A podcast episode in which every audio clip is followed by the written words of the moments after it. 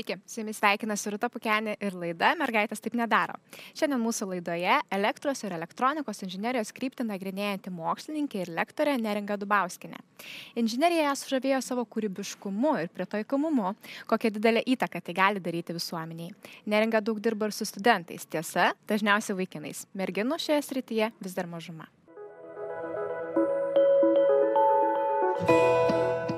Sveiki, Neringa. Labadiena. Neringa, papasakokite, kaip jūs pati nusprendėte siekti karjeros tekst rytyje. Man labai mėla buvo išgirsti, kad tą daryti jūs įkvėpė tėčio pavyzdys, o galutinę kryptį išsigryninti padėjo pomėgis elektroniniai muzikai? Tikrai taip. Elektroninė muzika padėjo pasirinkti konkrečią sritį, kurioje norėčiau studijuoti ir dirbti, tai būtent elektronikos inžinierija. O tėčio pavyzdys, na, įkvėpė apskritai rimtai pažiūrėti į inžinerinės studijas ir pasirinkti tiksliuosius mokslus kaip pagrindinė kryptį, kai pradėjau mokytis. Tai, a, tėtis visada buvo tas žmogus, kuris a, aktyviai rodė, kad a, gyvenime sprendimus galima priimti logiškai, a, pasižiūrėti, kodėl tam tikri veiksmai sukelia tam tikras priežastis ir visą laiką kartojo, kad svarbiausia yra inžinerinis mąstymas, tai matyt, ta frazė man taip ir liko ir a, padėjo pasirinkti ką gyvenime veikti. O kuo jūs sužavėjo būtent inžinierija? Man rodo, šiandien mes turime dar labai labai daug mitų susijusių su šia mokslo sritimi. Padėkite man juos išsklaidyti. tai inžinierija visų pirma yra labai kūrybiškas sritis. Tai yra pagrindinis tikslas bet kurio inžinieriaus yra išspręsti problemą, o mes dažniausiai ir matome aplinkui, kad problemų yra tikrai daug ir daugumą jų galima išspręsti būtent inžinierijos pagalba. Uh, tai, tai yra turbūt pagrindinė priežastis, dėl, kurio ir man, dėl kurios ir man patinka uh, inžinierija, nes uh, tie problemų sprendimai paprastai yra labai praktiški, labai konkretus. Na, nereikia rašyti ilgų puslapių, uh, galima tiesiog paimti ir padaryti kažką, kas realiai pakeis pasaulį, netgi ir taip. O kokias problemas jūs sprendžiate šiuo metu, su kokiais projektais, tyrimais, publikacijomis dirbate? Kiek anksčiau didžioji mano domėjimosi dalis buvo skirta mediciniai įrangai. Tai yra, kaip padėti gydytojams priimti geresnius sprendimus, kaip padėti gydytojams greičiau sureaguoti į pacientą, kaip pasinaudoti įvairiomis technologijomis, kad diagnozės būtų tikslesnės, kad jų darbas eitųsi sklandžiau. Tai tikiuosi ir toliau prie tos ryties dirbti, bet, na, pas mus niekada nebūna taip, kad visą laiką domėtumėsi tik tai vienu dalyku. Tai ir dabar yra įvairių projektų, kurie yra susijęs su na, įvairiais matavimais, taip pat projektų, kurie susijęs su energijos išgavimu, labai nedidelių kiekių energijos išgavimu. Tai yra kaip įkrauti mūsų visų naudojamus prietaisus, nenaudojant mums, mums įprastų elektros energijos rozečių ir panašiai, kaip pavyzdžiui įkrauti na, mobilųjį telefoną gal dar ne, bet kažkokį tai smulkesnį prietaisą tiesiog per žmogaus judesius, per aplinkos kažkokius pasikeitimus ir panašiai, kad nereikėtų nešiotis tų didelių sunkių baterijų. Tai dalis tyrimų yra susiję ir su tuo. O žinau, kad gilinatės ir į dirbtinio intelekto vystimąsi, mašininį mokymąsi. Um, dirbtinį intelektą, į dirbtinį intelektą tenka gilintis dėl to, kad jis dabar tapo be ne pagrindiniu įrankiu a, praktiškai visose srityse. Inžinierija yra neišimtis. A, mes a, savo fakultete turime ir transporto elektroniką, transporto inžineriją. Tai, a, kaip žinia, autonominiai automobiliai dabar yra tokia didžioji svajonė, kurios siekia žmonija. Tai čia be dirbtinio intelekto tikrai nebus įmanoma apsieiti. Tai tenka šių įrankių, dirbtinio intelekto įvairių metodų mums visiems mokytis ir mokyti savo studentus. Tai mano pačios domėjimasis dirbtiniu intelektu labiausiai susijęs su tuo, kaip išmokyti žmonės teisingai naudoti tuos įrankius, kaip išmokyti juos pasirinkti teisingai įrankius ir juos tinkamai vertinti, nes dirbtinis intelektas yra susijęs su labai daug mitų ir dažniausiai yra, na, šiek tiek pervertintas ir dėl to reikia labai atidžiai domėtis ir išmokti ką iš tiesų tas dirbtinis intelektas gali ir ko ne, kad na, nebūtumėm tiesiog apgauti. Iš jūsų girdžiu, kad e, šis mokslas pritaikomas įtin plačiai, gal galite šiek tiek ir pakonkretinti, ką galima dirbti baigus elektros ir elektronikos inžinierijos studijas. Labai sunku konkretinti, nes iš tiesų tas pritaikymas yra labai platus, kaip jau minėjau, nuo medicininių prietaisų, kurie e, tikrai yra labai svarbi dalis e, elektronikos inžinierijoje, e, link e, na, įvairių gamyklų įrenginių, kurie dažniausiai yra tokie gana stipriai specializuoti, link tų pačių automobilių, kurie pastaruoju metu turi daugiau su elektronika susijusių gedimų negu mechaninių. Ir žmogus, kuris gana neblogai išmano programavimą, kuris gana neblogai išmano elektroniką, bet kuriame automobilių priežiūros įmonėje yra tikrai labai laukiamas. Ir ne tik tai priežiūros, ir kūrimo automobiliai tobulėja, jų įvairios technologijos labai keičiasi ir tenka kurti naujus sprendimus, kad jie būtų pritaikomi dabartinėse sąlygose. Tai mūsų absolventai labai sėkmingai tą daro ir dirba ir su įvairių sprendimų automobiliams kūrimu. Nauji sprendimai, inovacijos, naujovės atrodytų labai progresyvu. Ar jaučiate jaunimo, jei taip galima sakyti, ar nežinau, potencialių studentų susidomėjimą šią sritimi didėja, jis mažėja, daugiau vaikinų ar merginų sulaukėt? vienareikšmiškai daugiau vaikinų. E, susidomėjimas iš tiesų yra pastaruoju metu gal kiek e, didesnis, e, bet jis visada buvo na, pastovus žmonės, kurie domisi šią sritimi, kurie norėtų dirbti su inovacijomis, kurie nebijo kurti inovacijų. Jie visada rinkosi tokio stiliaus studijas, tame tarpe ir elektronikos inžinerijos. Deja, merginų šiuose sritise yra mažuma ir na, iš šimto vaikinų auditorijoje tenka pamatyti gal kokį dešimt merginų kartais. Tik tai. Itin mažai atrodo. Taip, tikrai, tikrai labai nedidelis, taip. O kaip manot, kodėl? Kas lemia, kad merginos vis dėlto rečiau renkasi inžinerinės krypties studijas? Jūs lik ir esate kalbėjus apie tai, kad, pas... kad kalbėti apie inžineriją su paskutinio klasio moksleivis jau per vėlų. Tai per vėlai susigrisbame? Manyčiau, iš dalies ir dėl to, kiek man teko stebėti moksleivius, nedaug tenka su jais susidurti, bet kiek tenka, matau, kad jau kokia penkta klasė būna tas laikas, kai mergaitės nusprendžia, kad matematika yra ne joms. Ir tada jau dažniausiai būna, ką nors labai daug pakeisti, greičiausiai ir vėlu, nes jos mato pavyzdžius aplinkoje, jos mato pavyzdžius mokykloje, kaip tarsi sakoma, kad na, mergaitės yra kitokios, jos labiau linkusios į literatūrą, į kažkokius tokius minkštesnius vadinamosius dalykus.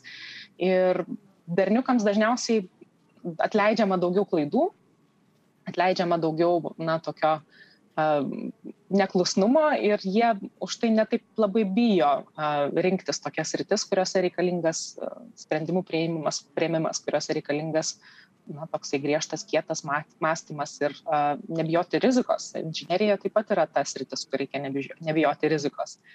Tai galbūt ir dėl to mergaitės nesirenka inžinierinių studijų, nes na, tiesiog yra nukreipiamos uh, kita kryptimi, nukreipiamos kitus mokslus, kas nebūtinai yra blogai, bet tik tai būna gaila tada, kai tos mergaitės, kurios iš tiesų galėtų labai daug nuveikti inžinerijoje, uh, ten taip ir neatsiduria. Ne dėl to, kad nenorėtų, dėl to, kad pasirinkti 12 klasėje laikyti matematikos arba fizikos egzaminą jau dažniausiai būna vėloka, jeigu iki tol šitie dalykai nebuvo stropiai mokomas.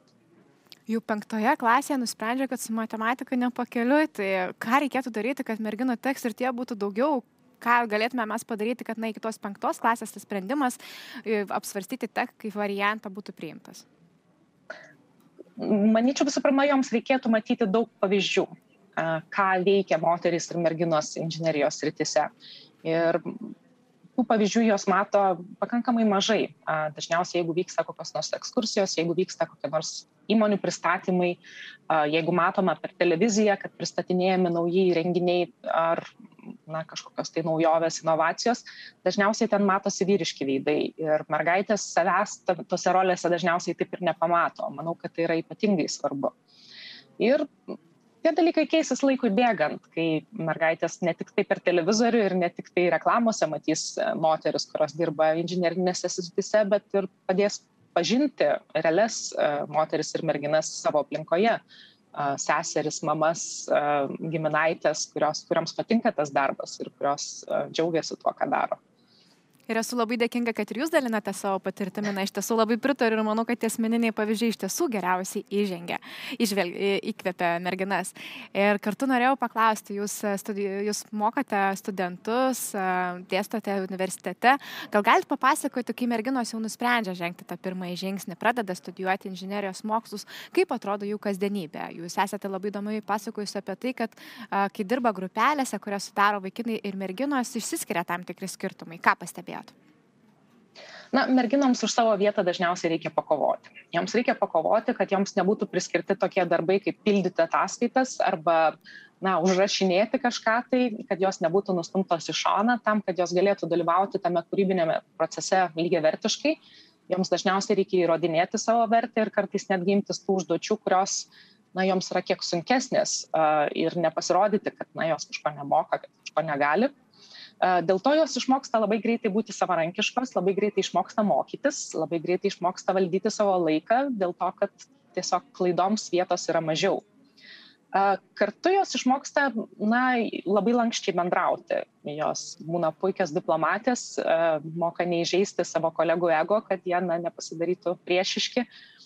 Ir dėl to pabaigusios studijos būna tikrai labai geras darbuotojas, nes sugeba pritapti praktiškai bet kokiame kolektyve.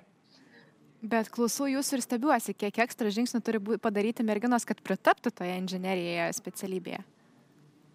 Uh, jos greičiausiai tai daro net ir nesąmoningai. Tas matosi šiek tiek labiau, kai žiūrima į tą grupių dinamiką iš šono. Dažnai merginai atrodo, kad na, tai, ką jį daro, tai yra tarsi kaip ir savaime suprantama, viskas tvarkoje, jinai yra viena iš vaikinų, bet kartu aš matau, kiek jos na, diplomatiškai su jais bendrauja, kiek jos uh, entuziastingai imasi tam tikrų užduočių, kad parodytų, kad jos irgi kažką tai gali, kad, na, kad joms tas rytis yra įdomi. Joms tenka iš tiesų domėtis ir tais dalykais, kuriais, kuriais domisi jų bendra klasiai, bent grupiokai, kad galėtų net tiesiog pokalbį palaikyti. Tai taip, joms tenka vis dar imtis papildomų žingsnių merginos nėra nei daugiau, nei mažiau talentingos, jei lyginsime jas su inžinierija studijuojančiais vaikinais, tačiau tam tikrais sugebėjimais jos išsiskiria. Tai yra dar viena jūsų mintis. Kokie jie? Na, jų sugebėjimai dažniausiai yra turbūt pagrindinis mokėti mokytis. E, jos būna savarankiškesnės ir labiau moka pačios savo, na, išsikelti tikslus, pačios save motivuoti, pačios įveikti tam tikrus iššūkius, problemas, ieškoti informacijos nes į ką kreiptis, na, kolegių merginų aplinkui dažniausiai būna netiek ir daug, o prieš vaikinus nesinori pasirodyti silpnai. Tai tada tenka na, įgyti labai daug savarankiškumo, labai daug tokių įgūdžių. A, taip pat, kadangi jos, na ir dėstytojams nori įrodyti, kad yra lygiai vertės e, besimokančiosios, tai dažniausiai jos būna šiek tiek stropesnės ir leidžia savo mažiau klaidų. Kai kuriais atvejais tai atsigrėžia prieš jas, nes na, nenorėdamos rizikuoti, jos kartais tokius saugesnius sprendimus renkasi, ypač projektuodamos, na, darydamos, darydamos įvairius projektus, bet dažniausiai pateikia darbus, kurie yra labiau užbaigti, kurie yra labiau, na, netgi estetiški, kai kuriais atvejais ir tvarkingai padaryti, na, nes nori parodyti, kad, kad jos iš tiesų gali daug ir, ir gali kažką tai parodyti ir šioje srityje kaip tai atsiliepia darbo rinkoje? Ar esate pabandžiusi pasiekti savo studenčių karjeras, kaip jos susiklosto? Uh, labai atidžiai mes jų nesakame, bet tiek, kiek tenka bendrauti, joms sekasi tikrai neblogai. Tos, kurios randa savo vietą, tos, kurios randa kolektyvą, kurios, kuriame uh, joms patinka dirbti, uh, tai iš tiesų pasiekia neblogų rezultatų ir darbdavėjas tikrai labai vertina. Tai yra specialistės, kurios ne tik tai turi daug specialybinių žinių, kurios ne tik tai gerai išmano savo dalyką, bet ir yra pasiryžusios investuoti į save, daug mokytis, stengtis, stengtis pritapti kolektyvę, stengtis dėl kolektyvo. Dėl to darbdaviams paprastai mūsų absolventės labai patinka. O ar jums asmeniškai yra tekę susidurti su mitais, stereotipais, dėl to, kad esate moteris ir dirbate, na, vyrišką laikytinoje srityje? Tie mitai buvo tikrai gerokai stipresni, kai aš tik tai pradėjau studijuoti. Dabar jų yra šiek tiek mažiau, bet man įstojus, tai merginų tas procentas buvo dar mažesnis negu jis yra dabar. Bet iki šiol paprastai, kai aš prisipažįstu, kad dėstau universitete ir atsakau į klausimą, tai kągi dėstote, tai būna dažniausiai žmonėms didelis nustebimas, kodėl būtent tokia specialybė. Aš manau, kad čia neturėtų būti dėl ko stebėtis ir, ir labai lauksiu tos dienos, kai a, ta mano specialybė visiems atrodys savaime suprantama, ne, nepriklausomai nuo to, vyras ar moteris ją ar studijuoja, ar, ar, ar dirba. O esate atradusi kažkokius patarimus, būdus, ką daryti, kad tie žvilgsniai kitų kryvesni galbūt į tave neveiktų taip stipriai? Gal galėtumėm kažką patarti tom merginom, kurios dirba tekstrityje ir vis dar susiduria su stereotipais, mitais, tam tikrų stereotipinių požiūrį į save? Na, greičiausiai reikėtų į tuos žvilgsnius nežiūrėti kaip į žvilgsnius į save. Tai yra dažniausiai žmonės vertina savo susikurtą stereotipą, kuris nebūtinai turi ką nors bendro su konkrečiu asmeniu. Mane pačiai yra taip tarsi kaip ir įvertinę man studijuojant, kad sako, na va kaip gerai, kad merginos įstojo elektronikos inžinieriją, jos paprastai stropesnės, o čia stropumo reikia, bet aš tikrai nesu stropi, yra daug savybių, kuriamis galėčiau save įvardinti, bet stropumas tikrai nėra viena iš jų tai ir reikia priimti kad dažniausiai žmonės vertina kažkokį tai vaizdinį savo galvoje bet ne nepriimti to asmeniškai nes dažniausiai su na konkrečiu asmeniu tie vertinimai neturi visiškai nieko bendro mm, Turbūt aplinkiniai yra linkę suabsoliutinti, tai ta viena mergina pajunta tą svorį ant pečių visos, nežinau, lyties savo, kai kalbame apie Taip. darbą tekstirtyje taip taip reikėtų ir šitos naštos nusikratyti. Reikėtų siekti savo asmeninių tikslų ir žiūrėti į tą sritį kaip į na savo interesų sritį ir nebandyti įrodyti kad na ir merginos kažką tai gali. Jau merginų čia šitoje srityje nebėra tiek mažai jos jau įrodė, ką jos gali ir vienai konkrečiai merginai jau nebereikia įrodinėti, kad na, ir jie gali studijuoti šioje srityje. Tiesiog reikia atrasti tą dalį, tą nišą, kurias, kurioje a, sekasi geriausiai ir kuri yra įdomiausia. Nes specializuotis reikia mums visiems, tai tiesiog pasirinkti tokią specializaciją, kuri yra palankiausia ir tada viskas eisis labai sėkmingai. Ir aš tikiu, kad jūs tikrai ambasadoriaujate inžinerijai. Tai gal galite mums papasakoti, kur jūs matote inžinerijos grožį, kodėl kvieštumėte ir kitus pagalvoti apie darbą čia. Visų pirma, dėl to, kad tai yra nuolat besikeičiantis dalykas, nuolat reikalaujantis tobulėjimo dalykas. Tie dalykai, kuriuos aš studijavau, na, dalis jų jau tiesiog nebėra aktualūs dabartiniams mūsų studentams ir dabartiniai mūsų studentai kai jie ateis į savo darbą greičiausiai turės mokytis dar naujesnių dalykų kurie per tuos keletą metų netgi kol na ketverius penkerius šešerius kurio per kuriuos užtrunka pabaigti studijas dažnai labai daug dalykų pasikeičia pakankamai radikaliai. Tai yra nuolat besikeičianti nuolat besivystanti sritis dėl to reikės mokytis visą gyvenimą nuolatos sekti naujoves bet kartu tai yra ir didysis na įdomumas ir smagumas dirbti tokioje srityje kad nuolat esame priekyje keletu žingsnelių priekyje nuo likusių žmonių žinome kas yra įmanoma kokie dabartiniai pasiekimai kokie kokios naujovės kas bus įmanoma rytoj kas bus įmanoma ateityje manau kad tai yra pats didysis įdomumas Paminėjote nuolatinį mokymąsi, iš tiesų tai yra dar vienas diskutuotinas e, elementas, atrodytų, e, yra dabar populiari nuomonė, kad tam, kad dirbtum tekstrityje, visai nebūtinas aukštasis išsilavinimas, užtenka kursų, kurie trunka kelias savaitės ar mėnesius. Ką Jūs apie tai manot? Na, jeigu norime įgyti tam tikrų įgūdžių, jeigu norime a, dirbti labai konkretų darbą, a, kaip kartais juokaujama prie konvejerio, bet nebūtinai, tai iš tiesų galbūt kursų ir užtektų. Ir kursai nėra blogas dalykas patobulinti pagilinti įgūdžius. Tačiau inžinerinė specialybė išskirtinė yra tuo kad tai nėra tiktai įgūdžių rinkinys tai nėra tiktai kažkokių sugebėjimų rinkinys. Tai visų pirma yra požiūris tikri inžinieriai tarnauja ne klientui jie tarnauja visuomenei jie turi turėti iš ne tiktai savo specialybės žinių bet jie turi išmanyti ir kaip jų sprendimai kaip jų kuriami produktai kaip jų kuriami įrenginiai paveiks visuomenę ir atitinkamai priimti sprendimus. Mes greičiausiai nenorėtumėm a turėti specialistų a kurie neįsivaizduoja a kokį kokias pasekmes gali sukelti jų kuriami produktai. A paprasčiau yra įrodyti tą tiesą kai kalbame apie statybininkus ar ne? Norime kad jie statytų pastatus kurie būtų energetiškai efektyvūs tvarūs a ir saugūs žmonėms gyventi. Tai tas pats yra ir su elektronikos inžinerija kad mūsų kuriami įrenginiai irgi turi būti saugūs a ekologiški tvarūs naudoti kuo mažiau išteklių. Ir teigiamai veikti visuomenę. Ir tas yra įmanoma tik tada, kai studijos yra pilnavertės, kai yra studijuojami ne tik tai specialybiniai dalykai, kai ne tik tai įgyjamos specialybinės žinios, bet ir suteikiamas na, toks platesnis požiūris, kai leidžiama pasižiūrėti, kokios klaidos, pavyzdžiui, buvo padarytos praeitįje arba kokios pasiekmes laukia, jeigu mes imsimės vienų ar kitų sprendimų. Ir paprastai tokio požiūrio ir na, tokio mąstymo neįmanoma, neįmanoma suteikti per kelių savaičių kursus. Tiesiog reikia pabūti toje aplinkoje, kur yra na, dauguma inžinierių, kur yra dauguma kuriejų. Ir kaip ir minėjo, turbūt aplinka geriausiai gali ir įsikvėpti. Iš tiesų, manyti, tai žavu tekstilį srityje, kad turi išmokti nuolat mokytis ir tai pripažinti, kad tai darysi visą gyvenimą.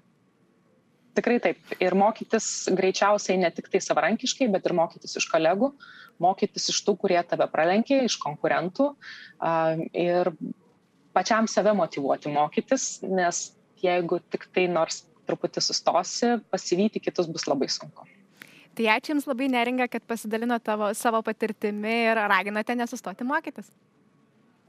Ačiū Jums.